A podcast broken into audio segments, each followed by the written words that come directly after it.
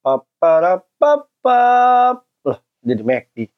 Assalamualaikum warahmatullahi wabarakatuh. Baik lagi sama gue Ilham di Investment Gigs. Gimana kabarnya kalian? Semoga udah pada investasi ya. Soalnya gue liat di Twitter, ah, udah mulai pada banyak yang investasi, udah pada mulai banyak yang mention-mention sekuritas, udah pada mulai banyak yang retweet-retweet akunnya IDX dan ya gue lihat di Instagram juga seperti itu.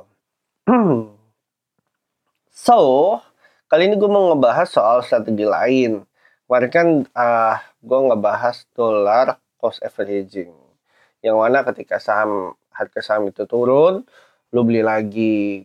Saham itu turun, lu beli lagi. Dan pada saat saham itu naik, jadi ya keuntungannya apa ya? Bisa diakumulasi lah, tapi dirata-ratakan. Namanya juga average ya. Dolar cost averaging. Walaupun teman-teman semua membeli sahamnya pakai rupiah, tapi nama strateginya itu dollar cost averaging. Nah, kali ini yang mau gue bahas adalah lamsam. Ada salah satu strategi lagi lamsam yang mana intinya sih gini.